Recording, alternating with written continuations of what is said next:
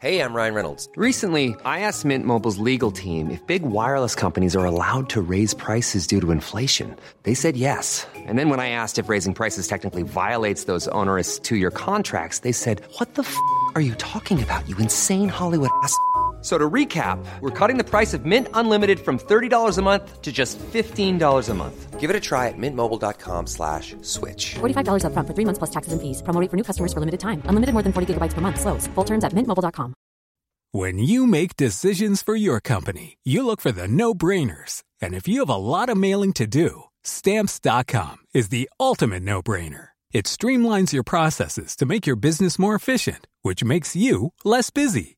Mail checks, invoices, legal documents, and everything you need to keep your business running with stamps.com. Seamlessly connect with every major marketplace and shopping cart. Schedule package pickups and see your cheapest and fastest shipping options from different carriers with rates up to 89% off USPS and UPS rates. And with the stamps.com mobile app, you can take care of mailing and shipping wherever you are. Make the same no-brainer decision as over 1 million other businesses with stamps.com. Sign up with code program for a 4-week trial plus free postage and a free digital scale. No long-term commitments or contracts. That's stamps.com. Code program.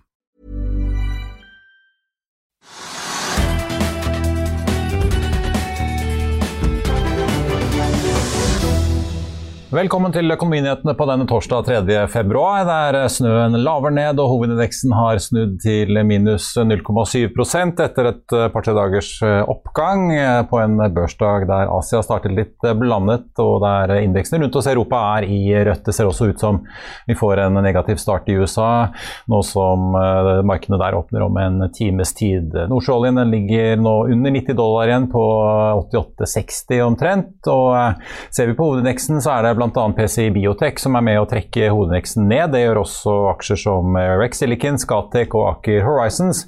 Og disse aksjene har jo det til felles at de er i kategorien grønne vekstaksjer. Og det er en tråd i dagens sending, for vi har en skikkelig all you can eat-buffé av en sending til deg her i dag. Det har vært tettpakket nyhetsbilde, og Pareto har også arrangert sin fornybarkonferanse. Vi har snakket med både en av konserndirektørene i Hydro og Statnett-sjefen om energikrisen og fornybarutsiktene. Og vi får også straks besøk i studio av en av meglerhuset Skarpe analytikere og sjefen for fornybaravdelingen. Men først la oss ta en titt på hva som skjer i dag. Nordic Semiconductor er en av taperne. Aksjen er ned nesten 4% etter at de slapp Q4-resultatene sine, som til tross for en inntektsvekst på nesten 40% og et kraftig hopp i driftsresultat ikke var nok til å begeistre markedet, som hadde ventet enda mer. Konsernsjef Sven Tore Larsen sier at nåværende leveringer til selskapet er begrenset av halvledermangel, men at etterspørselen er høy.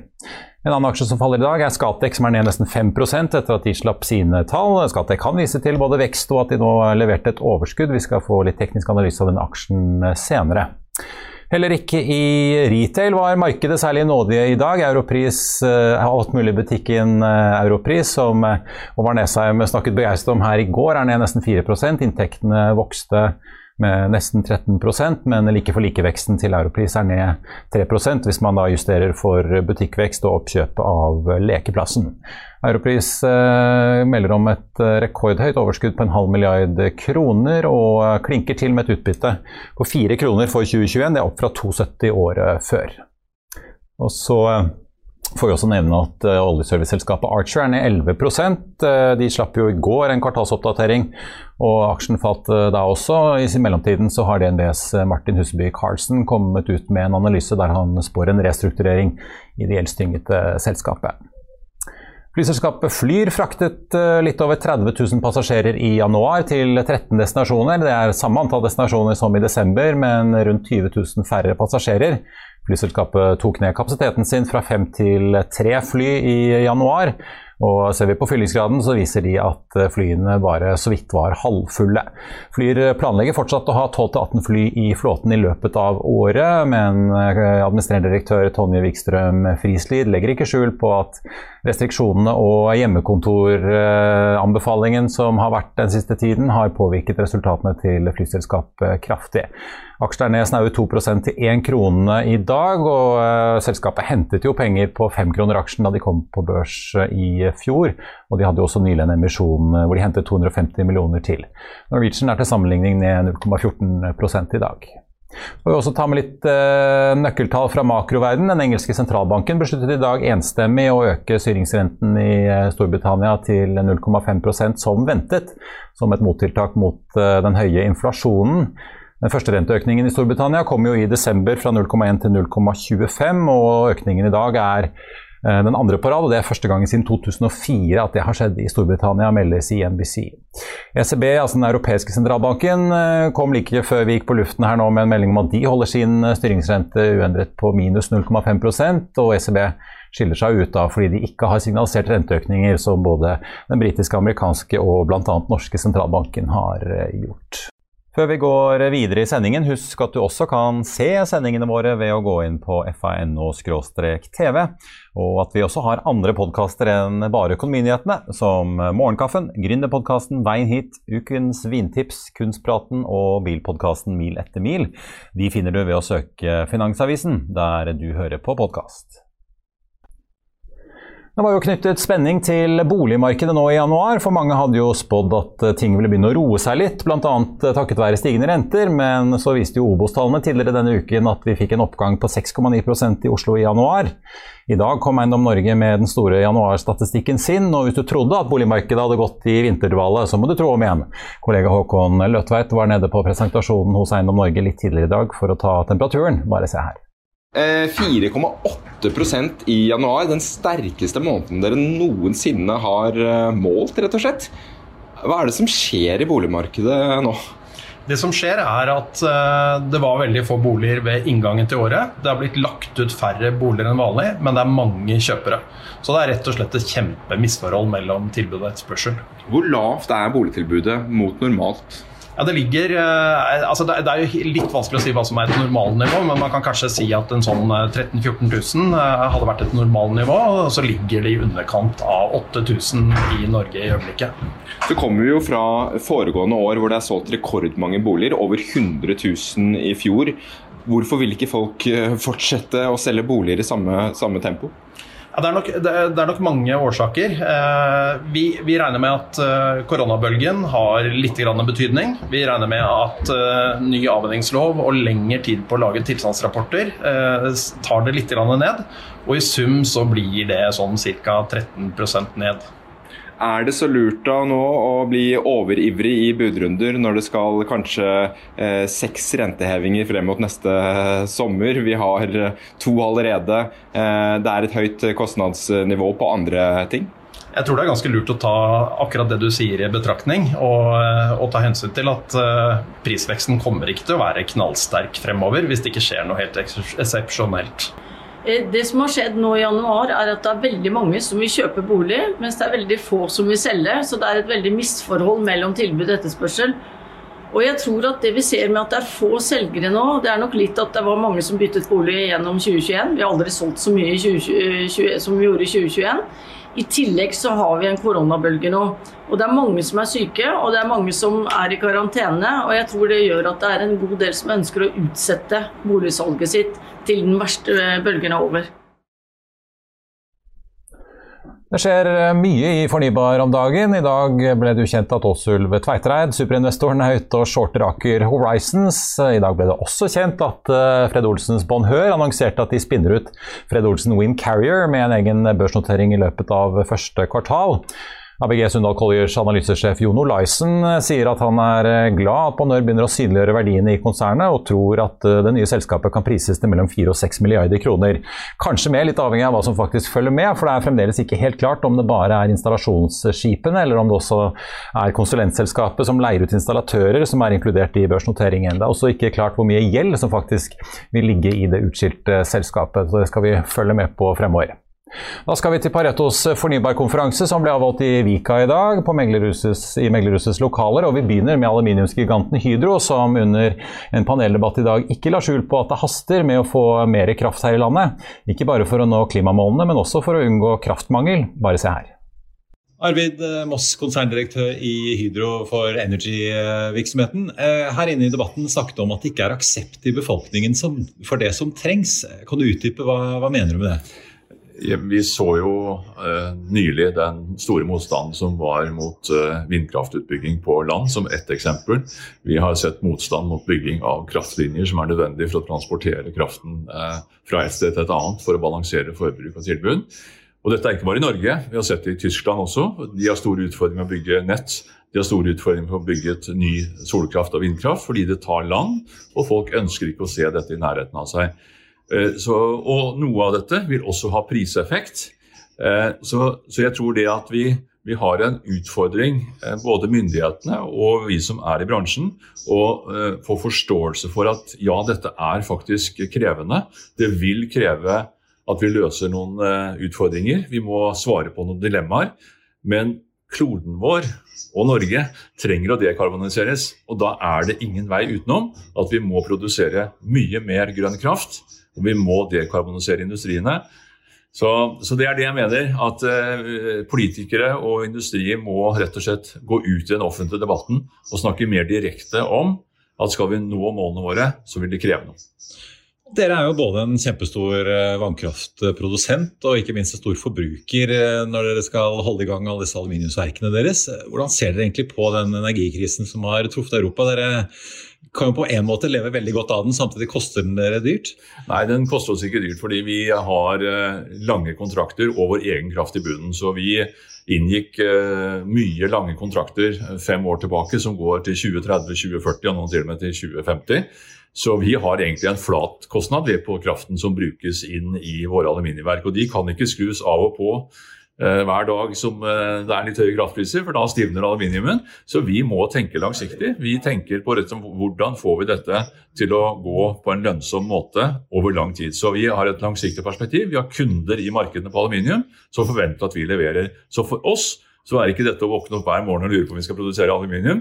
Vi er et aluminium- og energiselskap, og vi lever godt med det. Men dere trenger mer kraft på sikt? Eh, for en gang skal vel disse kontraktene fast, altså disse lange kontraktene rulleres? Ja da, og det, derfor så jobber vi også da gjennom eh, markedet med å tegne nye lange kontrakter. Men vi har jo også nå etablert Rein som et nytt selskap, som skal da jobbe med vindprosjekter og solprosjekter både i Norge, Sverige, i Norden og i Brasil for å få opp mer produksjonskapasitet, som vi da kan bruke inn i våre, eh, vårt, eh, vårt eget interne forbruk. Ja, apropos det, dette har dere jo snakket om lenge, at eh, dette Rein, altså fornybarselskapet deres, ønsker dere å ta på børs. Det var diskusjon om det skulle skje i fjor. Så var finansdirektør Pål Kildemo ute og sa at her like før, eller i høst i hvert fall, at dette kommer til å skje i 2022.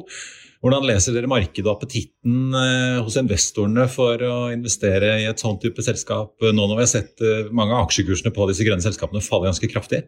Det viktigste for oss er å bygge rent og bli et robust selskap. Vi skal ha de gode prosjektene, vi skal ha signert de riktige kontraktene med kundene våre, slik at markedet, når vi kommer eh, til markedet med det, så er det et godt selskap, transparent selskap, som de ser at her er det lønnsomhet fremover. Her er det et sterkt grunnlag for en verdiutvikling. Så får vi se hvordan, eh, når vi kommer dit at vi er klare, så får vi se hvordan markedet er. Men vi sikrer ikke på børskursene hver dag for å tenke skal vi launche i dag eller i morgen. Vi jobber nå kraftfullt internt og med våre kunder og med våre partnere for å få frem prosjektporteføljen. Og dere sikter mot 2022? Vi sikter mot 2022. I'll see you in court. Vi sier det ofte litt på spøk, men for deg som driver business, er det aldri moro å innse at du ikke har laget en 100% gyldig kontrakt. Du bør ikke risikere hele firmaet ditt fordi du synes dette med kontrakter er litt stress. En avtale er ikke en avtale. Du kan miste kunder, miste venner, ja, til og med miste inntekter om du ikke lager en skikkelig kontrakt, på alt mulig, egentlig. Men vi vet det er et styr. Kopimaskiner, tregprinter og haugevis av papir. Dessuten stoler vi jo på folk her i landet. Det er ofte litt kleint å skulle be om en signatur for alt mulig, ja, for mye av styret handler også om jakten på underskriften. Det finnes en enkel måte å løse dette på, Dukkobit, en trygg, effektiv og get this, gratis måte å sikre seg en god natts søvn pluss en juridisk bindende avtale. Dukkobit-appen har de strengeste sikkerhetskrav i bunn, samt en EU-godkjent og sertifisert teknologi. Framover vil det bli behagelig å spørre du, skal vi skrive under på det, eller? Kom i gang på dokobit.no. Vi skal eh, straks høre fra sjefen i Statnett, men først eh, skal jeg ønske velkommen til dagens gjester. Og får vi si eh, to velkommen til deler av vertskapet på konferansen i dag. Analytiker Bård Rosef i Pareto Securities og Lars Ove Skorpen, direktør for da Power and Renewable Energy-avdelingen i Pareto, som du har ledet siden slutten av 90-tallet. Velkommen begge to. Takk skal du ha. Tusen takk. Ja, En hendelse i dag, ikke bare for dere. Masse selskaper som presenterer. Det er jo så tettpakket program at man rekker jo ikke over eh, halvparten. Eh, men kan, kan, dere si litt hvordan er egentlig stemningen nå i, eh, i kraft- og energibransjen? Eh, vi så jo da Fred Olsen eh, lanserte børsnoteringen av dette hva skal vi kalle det, havvindrederiet i dag. Mm. Rører ting litt på seg, selv om kursen har falt mye på mange av disse selskapene? Ja, altså jeg, kan, jeg kan jo begynne litt generelt. Der. Vi sier Stemningen i, i, kraftmarkedet og kraft generelt er jo veldig Kall det høy om dagen. Høy temperatur. Det er mye det, det, det, Ja, det òg. Og det er veldig stort fokus på det, så jeg syns det er på en måte en fantastisk situasjon. Uh, vi har aldri sett noe lignende. Jeg har vært i Pareto i 25 år nå.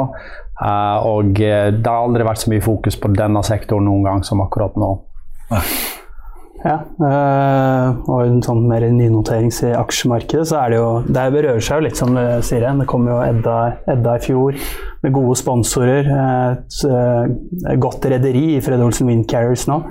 Så de gode selskapene er det jo fortsatt kapital tilgjengelig for, selv om man kanskje ikke har den samme boomen som man hadde midten av 2021. Eh, men altså gitt de kursfallene vi har eh, sett, da. Jeg vet ikke hva du, hva du tror dette Fred Olsen og Windcarrier er verdt, men uh, hvor, hvor, krevende blir det å hente inn penger til dette? da? Uh, de har jo en uh, direktekonkurrent, Cadelier, som er listet i Oslo. og det er jo ikke de som har hatt det dypeste kursfallet. Den står fortsatt godt over emisjonskurs. og basert på prisingen av Cadelier så ser vi en verdi på ca. 500 millioner dollar på selve vindinstallasjonsskipene. Det er litt usikkert helt hva som blir en del av pakken her, men i tillegg har du en del andre veldig bra assets i den havvindservice-biten. Ja. Uh, men opplever du eh, Lars Ove, at eh, er det, liksom, er det energikrisen i Europa som har gitt all den oppmerksomheten, eller er det den der grønne bølgen vi egentlig har sett bygges opp over et, i hvert fall de par siste årene nå? Jeg tror det er alle de tingene. Og så er det selvfølgelig det at det slår ut på strømprisen. Det gir jo ekstra fokus. Og det skaper selvfølgelig også masse protester der ute. Ja, For det er ikke bare et, altså, det er ikke bare et norsk fenomen? Nei, og, nå ser vi f.eks. i Sverige nå, så vi setter de i gang med tilsvarende, ikke helt like, men, men støtteordninger i forhold til til folk flest. Uh, men det er klart at vi tror dette er et forbigående fenomen. Det kommer til å normalisere seg i, tenker jeg i løpet av seks til ni måneder. Og da skal vi kanskje ikke helt tilbake igjen, iallfall ikke tilbake til den prisen vi hadde i fjor, for de var rundt 10 øre i snitt. Nå har vi kanskje mer sånn 50-60. Men la oss si at vi skal tilbake til 40-50 eh, øre, da. Eh, men det er noe helt annet å tenke øre versus kroner. Nå i de siste månedene har vi snakket om kroner per kilowattime. Det er et helt nytt begrep. Jeg må bare innrømme at det, tar litt tid å ta det inn over seg. Selv for en veteran i bransjen. Ja, det har jo vært uh, tider hvor liksom, eh, det har vært uh, billigere å fylle en dieselbil enn å lade strømmen. Riktignok bare noen veldig få korte timer, da. Men hvis vi ser altså Det ble snakket mye i dag på konferansen deres om hvilke liksom, muligheter det er. Det er jo mange selskaper på Oslo Børs som satser på dette med mer eller mindre på en måte gravitas bak satsingene. Eh, men hvis vi ser, da, du nevnte jo Cadeler, eh, Bård. Ja. Vi har nå Edda Wind, vi har eh, sant, Integrated Wind Solutions. Så får vi da Fred Olsen Wind Carrier. Det begynner jo å bli en god del selskaper. Vi er jo veldig... Er det liksom konturene av en slags sånn, en ny oljeserviceindustri, bare vind i stedet vi ser bygges opp? Uh, det er det jo. Uh, ser du på havvind, så trenger du et supply boat som heter SOE i vind. Uh, du trenger et installasjonsskip med en svær kran istedenfor et skip med boreutstyr. Så du trenger veldig mange av de samme offshore-elementene. det vi er veldig glad for å se, er at alle disse selskapene samler seg i Norge. Eh, selv om vi kanskje ikke var først ute og ikke er veldig langt frem på havvind f.eks. Eh, så har vi mye investorkompetanse i Norge på offshore. Eh, og vi ser, ja, vi ser at utenlandske selskaper kommer til Oslo for å nettopp få best mulig forståelse blant investorer og prising på, på den type selskaper. Ja. Ja, altså, altså, For å møte investorer, eller tenker du at de etablerer seg med kontorer her? Og... Eh, for å møte investorer, eh, primært. Men at uh, Oslo blir markedsplassen for, for havvind offshore-rederier. Så Cadelier f.eks. er jo et dansk selskap. Uh, ja, ja, for Dere hadde jo Vestas i dag. ikke sant? Danskene mm. har jo bygget opp en god del industri rundt dette. her. Hva er det, Hvis man ser på finansdelen av dette, da, hva er det som skal gjøre at vi sikrer at det er norske meglerhus og det norske investormiljøet, at vi liksom klarer å bygge et, bygge et miljø videre, litt som det du beskriver, virker å ha etablert seg? da? Det vi i hvert fall trenger, eller mange ønsker, er jo at du har en lokal satsing eh, på havvind og flytende havvind. Altså, vi er allerede seint ute. Eh, så i hvert fall det som går på, på flytende, for å kunne da skape nye selskaper i, i Norge. Um, ja. Så, altså, det, det, det, det, er så enkelt at vi, vi er seint ute, og det vi holder på med, det er puslete. Ja, for du, du, snakket om hva vi har i Norge. 4,5 ja. gigawatt. Det er disse to eh, blokkene ute i Nordsjøen som de driver med. Det blekner litt i forhold til det auksjonen vi så i Skottland her om dagen. Helt klart. Det er, altså, er fem og en halv gang forskjell, nesten seks ganger så mye i Skottland. Og det er, og det er Skottland. Uh, så har du I tillegg så gjør UK mye mye mer på offshore vind enn bare det. Mens vi driver da altså med 4,5 gigawatt. Det burde vært mange ganger så stort. Skal vi virkelig på en måte ta den posisjonen vi burde ta her, uh, gitt den erfaring vi har innenfor offshore-siden uh, offshore med olje, gass og pipelines, og den erfaring vi har innenfor, i forhold til kabler, og hele den infrastrukturen og supply chain og alt sammen, så burde vi bare gire opp flere ganger. Og så må vi liksom fjerne den der litt sånn provinsielle debatten vi har akkurat nå i forhold til kabler. fordi at her må vi tenke stort, langsiktig i forhold til denne satsingen. her. Ja, for det er full konflikt i regjeringen om, om hybridkablene fra, fra, sånn fra Sørlige Nordsjø 2-feltet sånn og ned til kontinentet. Ja. Hva gjør det på en måte? Hører, får dere noe feedback fra selskaper og investorer på sånne ting? Eller? Nei, jeg tror de er bare ivrige til å komme i gang. Uh, for det er liksom nå det er jo skapt mange altså Det er skapt store forventninger i forhold til denne satsingen der. Og så ser alle at eh, her skjer ikke det noe. Nå må de komme i gang. Eh, fordi at det, det er meldt seg på enormt mange selskaper som er klart, står i startgropa og gir gass. Så nå må bare myndighetene men det handler om areal? altså Det er utlysning av areal? Det er areal og regelverket for hvordan dette her skal foregå. Det må på en måte Ja, fordi Vi vet vel egentlig strengt tatt heller ikke helt hvordan skatteregler og lisensordninger og alt det der rundt Og støtteordning, ikke støtteordning, kabler, ikke kabler. Disse tingene må på plass. Og det må på plass fort. For det, tar, det er ikke gjort i en eh, håndvending å installere offshore. Det tar mange år.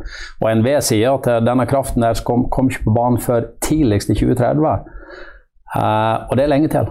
Og det er for sent hvis vi skal på en måte levere på klimamålene. Da må vi komme i gang mye raskere. Også onshore wind, egentlig. Det holder ikke bare med offshore wind. Ja, for Du nevnte i dag altså, du, dere regner at uh, disse to blokkene vi, i hvert fall politikerne i Norge har sagt vi skal ha i Norge i første omgang, krever investeringer på rundt 140 milliarder Ish, ja.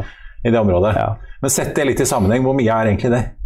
Altså, dette kan jo du sikkert mer, men så vidt jeg forstår, så er jo kanskje det bare et, et, et godt år i olje- og gassektoren. ikke sant? Og dette er jo på en måte det er den satsingen vi skal gjøre innenfor flyt, nei, hva skal jeg si, innenfor offshore vind, som kanskje da tilsvarer flere et år eh, investering ellers, det er jo altfor lite. Det er jo bare så enkelt. Equinor alene investerer vel, har vel Capex-budsjett fra 10 til 12 milliarder dollar. dollar i året. Ja. Ja. Så, det er, så det er klart det er ikke så store summer. og det er som du sier, det er jo det er liksom puslete i forhold til mm. Skottland, og det er Scotwind, og det er én av tre lisensrunder. Eh, det er andre lisensrunder for Sites UK i år også, de hadde i fjor.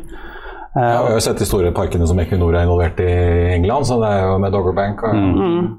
Eh, men, men, ta oss litt på innsiden som analytiker når du følger eh, altså, Du og teamet følger jo mange av disse selskapene. Ja. Her om dagen så kom jo da disse resultatene fra, fra Scotwind-aksjonen eh, i Skottland. Mm. Eh, Magnora var jo en av de norske aktørene som sammen med partneren Teknip FMC fikk tilslag på noen blokker. Mm. Kjell Inge Røkkesaker Offshore fikk ikke. Mm. Eh, aksjekursen gikk jo bare sånn. altså Den ene tanket, den andre skjøt i været. Ja. Det er nesten litt sånn biotek-følelse over reaksjonene.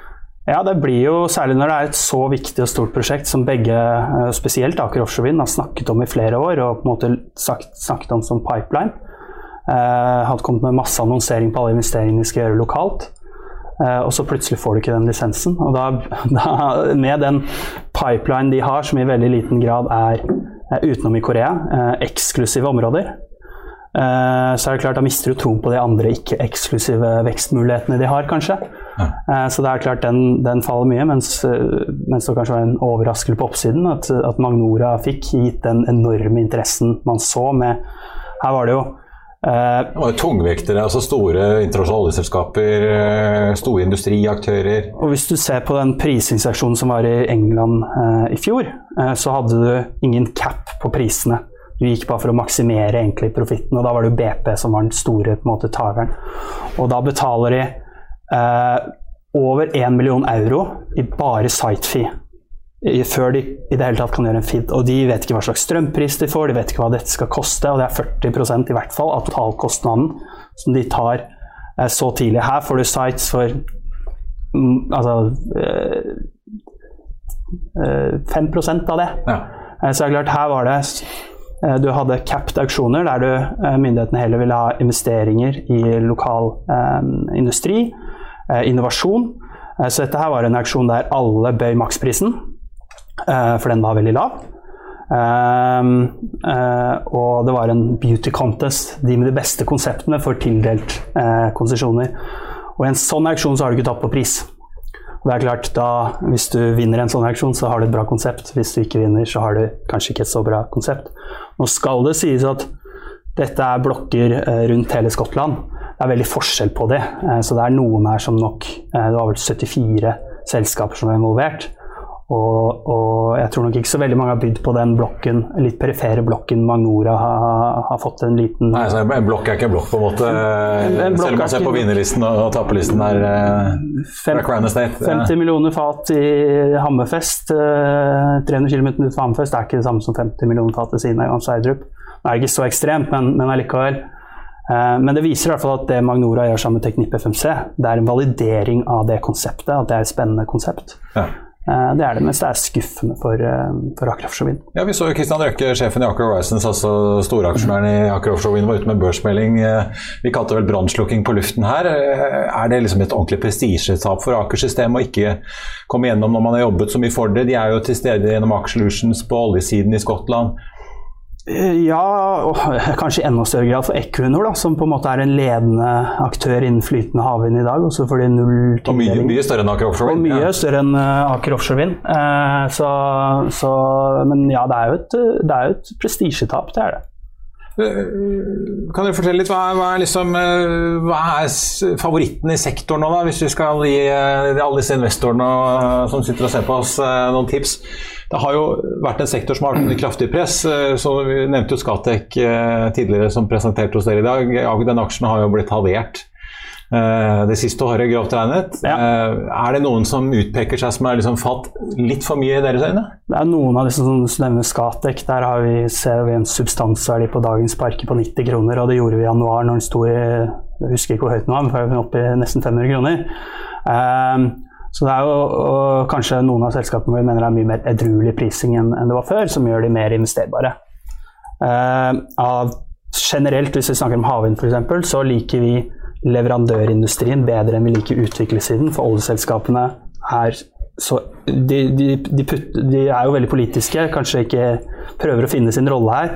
Og putter veldig veldig mye kapital inn, inn i havvind og pusher ned returns. Mens leverandørsiden, der har du f.eks. vindmølleselskapene og Vestas er et av selskapene. Du har tre leverandører, og de sitter i en kjempegod posisjon. Sliter akkurat nå med, med supply chain, som jeg tror er en ganske god entry. Eh, fordi prisene, hvis vi ser på de prisene de selger turbinen for, så klarer de å passe on kostnadene til kundene. De sitter i en fantastisk markedsposisjon, så marginene kommer til å komme opp der. Ellers har vi På kraft i Norge så har vi et eh, lite selskap som heter Cloudberry, eh, som vi også, også, liker godt. Det er ikke blant de som har falt eh, mest. Eh, men vi ser en uh, substansverdi nære dagens aksjekurs og, og, veldig mye oppside i det selskapet som også mener er godt posisjonert for å skape verdier i et ellers crowded marked i Skandinavia. Da. Og kort til slutt, Hvem er det man bør se litt opp for nå? da? Her er det noen som ikke har falt så mye, som burde gjøre det? eller...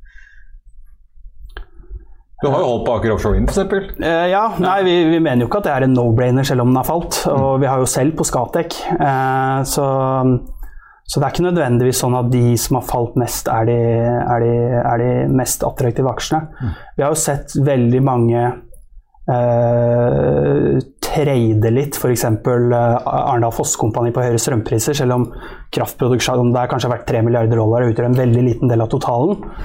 Eh, Så det er jo aksjer som kanskje kan falle med at kraftprisen normaliserer seg, hvis det ikke blir krig i Russland, nei, Ukraina. Ja, ikke sant? Ja, det er den store jokeren. Det er vel Arendalsfoss er vel eneste, for så vidt den eldste deltakeren Stemmer. eh, dere hadde i dag. Og den som hadde steget mest. Og den som har steget mest.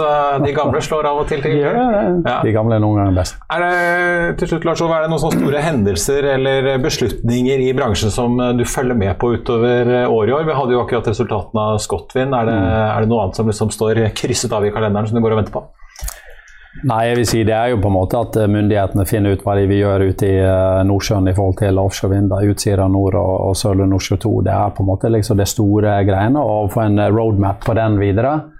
Det tror jeg aktørene fortjener, og det fortjener Norge. For nå må vi liksom få fingeren ute. Altså. Det, det, vet, det er mye snakk om klimamål og sette seg eh, Og de er ambisiøse. 55% kutt innen 2030 det er ganske ambisiøst. Men liksom, da må du levere på det i forhold til ny fornybar energi. For vi skal elektrifisere stort sett alt som er der ute.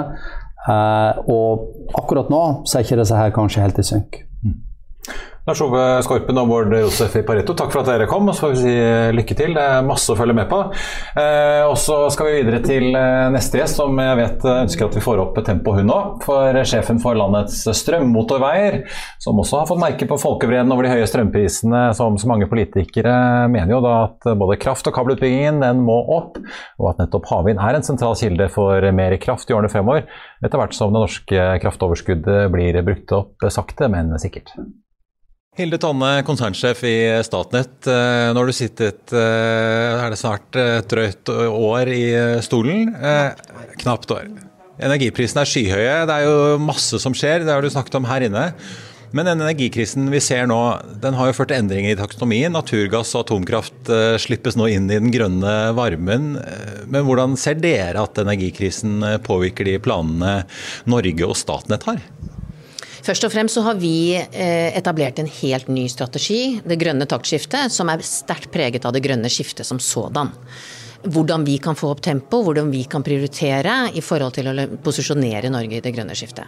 Eh, Og ikke minst eh, sikre forsyningen av kraft i Norge. Og så er det selvfølgelig sånn at når du får den energisituasjonen som vi er inne i nå, som er sterkt preget av endret energimiks, sterkt preget av eh, lovgivning som har kommet både i Europa, Norden og, og Norge. Så, og det skjer fortere enn vi trodde. Og vi ser en gassituasjon som ikke minst påvirker hele prisbildet. Og vi har eh, lave fyllinger i, i, magasinet, i magasinene våre. Da ser vi jo effekter som kan gjøre at vi vil reprioritere.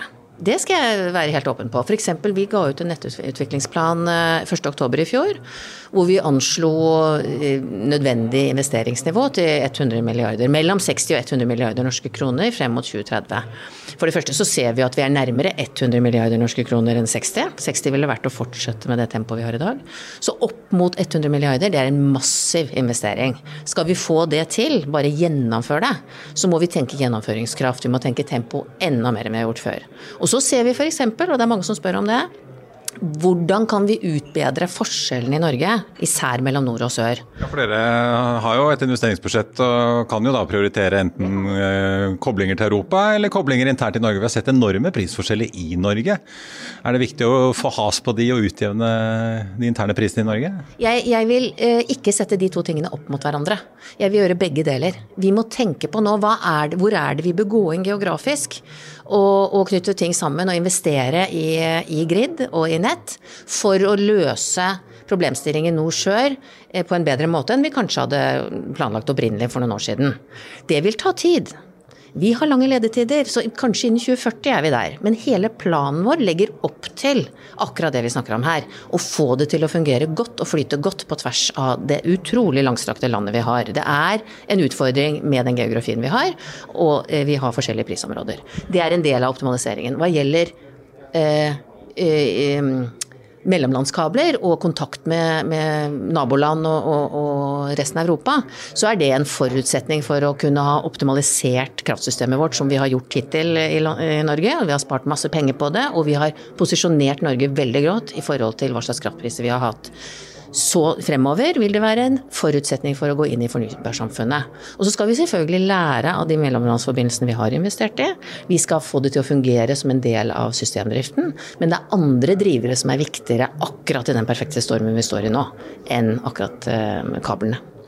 Billig strøm har jo vært en konkurransefordel for uh, Norge. Nå snakkes det om at havvind er liksom den store kilden vi kan utnytte for å få inn uh, all den nye kraften vi også trenger for å bygge ny industri og kjøre elbiler og alt det andre. Men blir det egentlig billig kraft? Havvind er jo, selv om kostnadene har falt, uh, ikke så billig, er det det? Vi ser jo at havvind bottom fixed eh, vil kunne være lønnsom for eh, investorene, eh, gitt det prisbildet vi, vi, både så før den energikrisen, men også hva vi ser coming out of it. Og da er det jo et spørsmål om hva er det Norge trenger for å ha en grønn industrialisering? Og hva er det Norge trenger for å holde prisnivået på et eh, bra nivå, sånn at folk vil komme til oss og investere? Og da trenger vi mer produksjon, gitt den interessen i forbruksøkning som vi ser og har notert oss. Så vår kortsiktige markedsanalyse som vi leverte og offentliggjorde før jul, den viser at hvis vi med det forbruksøkningen som vi ser nå, ikke investerer i ny produksjon, om det er oppgradering av vannkraft, eller om det er vind på land, eller om det er offshore vind, så vil vi gå i null i kraftbalansen i 2026. Det er fire år til. Så dette må vi tenke på som nasjon. Eh, fordi da går i hvert fall prisen i været, og da vil vi ikke kunne tiltrekke oss de beste eh, industriaktørene som kommer til Norge pga. den grønne kraften og tilgjengeligheten av den. Er det ting som er, er, kilder som er bedre enn havvind for oss hvis vi prioriterer å ha lavest mulig pris? Jeg tenker at vi eh, volummessig skal inn i offshore vind. Vi skal tenke eh, investering i et havnett for å få dette til å svive. Eh, og i Europa så vil jo dette skje uh, uavhengig egentlig nesten av hva Norge gjør, fordi de, de har satt i gang planlegging av energiøyer. De investerer i vind som ganske snart vil måtte forholde seg til et mer og mer masket nett. Alle nasjonene rundt Nordsjøen jobber med dette og har det så veldig tydelig i sine målsetninger og er i gang. Og, og da er det jo viktig for Norge, og basert på den teknologinasjonen vi er, å stå på skuldrene av, av, olje- og gassindustrien, basert på den energiposisjonen vi har, vi er jo en naturlig hub i Europa, eh, så ville det jo vært et paradoks om ikke vi nå tar en posisjon innenfor havvind også. Eh, både teknologimessig, men ikke minst også drevet frem av at vi trenger ny fornybar inn i vårt energisystem, inn i vårt nasjonale energisystem. Jeg forstår jeg da det er riktig at uh, hvis vi går for masse havvind, så får vi, vi kan i hvert fall få mye industriutvikling og vi kan få mye ny kraft, men uh, den er ikke nødvendigvis like billig som den vannkraften vi er vant med? Vindkraft er jo til tider så billig at, den, eh, at, du betaler for eller, Den gis vekk, ikke sant. Sånn at hvis du overdriver eh, vind inn i et energisystem, så må du ha noe som balanserer det. Så billig kan vindkraft bli. Så akkurat den første investeringen for aktørene som skal gjøre det, det er jo en bedriftsøkonomisk vurdering fra deres side. Samfunnsøkonomisk skal vi forholde oss til vind som kommer inn i systemet, som til tider er helt gratis. Eh, og da vil jo det påvirke investeringslysten hvis det ikke finnes en energimiks der som kan balansere og lagre den vinden. Derfor ser vi det over tid nå i sammenheng med investering i grønn hydrogen f.eks.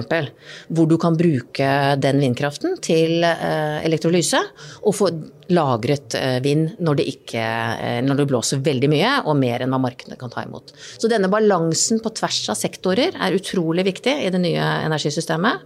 Og balanse og integrering på tvers av geografi er veldig viktig for å kunne gå inn i forskjellige eh, geografiske områder og finne fleksibilitet i et større område.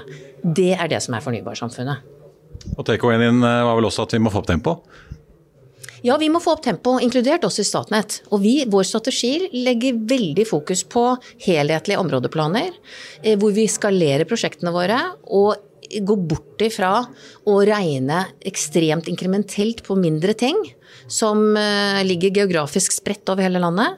Vi ser på områdeplaner og etablerer i løpet av 2022 ti områdeplaner som, eh, hvor vi skal utvikle eh, disse områdene skalert og godt opp med et høyere tempo. Det kan vi gjøre. Og så skal jo Nakstad-utvalget se på mulighet for å øke tempo i konsesjonsformalismen og de prosessene som finnes rundt det. Og der har vi gitt ganske mye innspill, og jeg, vi har store forhåpninger om at vi kommer ut med gode løsninger. Så her kan Norge, her kan Norge gjøre mye bra. Da skal vi ta med at det jo på fredag er eh, jobbtall i eh, USA, og nå i dag har vi fått de jobless claims-tallene som eh, viste at 238 000 søkte om ledighetstrygd for første gang i forrige uke. Det viser altså tallene fra USAs arbeidsdepartement. Ifølge Trading Economics var det ventet 245 000. Uken før var tallet 260, og det er nå revidert til 261 000. Og så har det da også kommet uh, såkalte ADP-tallene, altså sysselsettingstallene for privat sektor, som kommer altså alltid i forkant av de formelle tallene. Konsensus i forkant eh, var at eh, det skulle komme en økning i sysselsettingen i privat sektor på 207 000, men fasiten eh, som altså har kommet fra ADP viser et fall på 301. Så får vi altså se hva de formelle, offisielle sysselsettingstallene viser i morgen.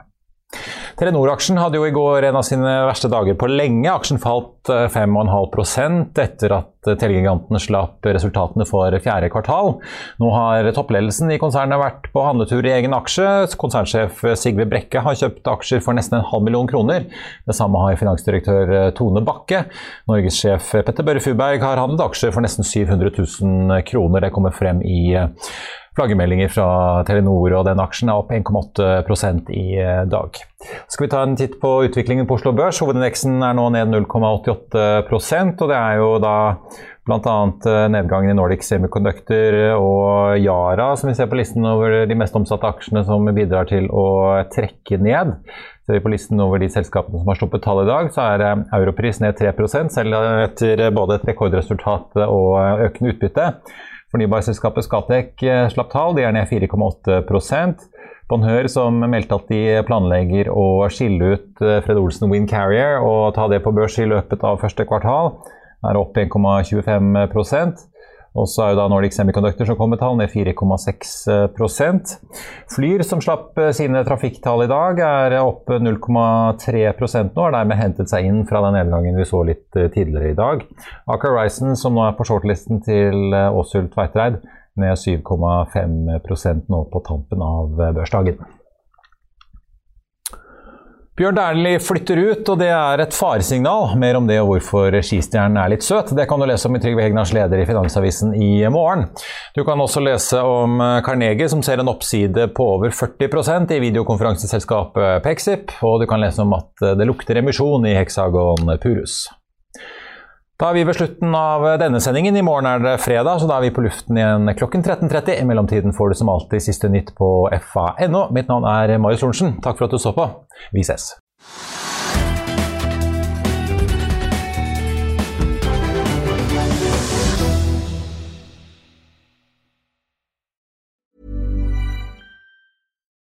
Protect your dream home with American Family Insurance. And you can weather any storm. You'll also save up to 25% by bundling home, auto, and life. American Family Insurance. Get a quote. Find an agent at amfam.com. Products not available in every state. Discounts may not apply to all coverages on an auto or home policy. Discounts do not apply to life insurance policies. Visit amfam.com to learn how discounts may apply to you. American Family Mutual Insurance Company SI and its operating companies American Family Life Insurance Company 6000 American Parkway, Madison, Wisconsin. Økonominyhetene er en podkast fra Finansavisen. Programledere er Marius Lorentzen, Stein Ove Haugen og Benedikte Storm Bamvik. Produsenter er Lars Brenden Skram og Bashar Johar. Og ansvarlig redaktør er Trygve Hegnar.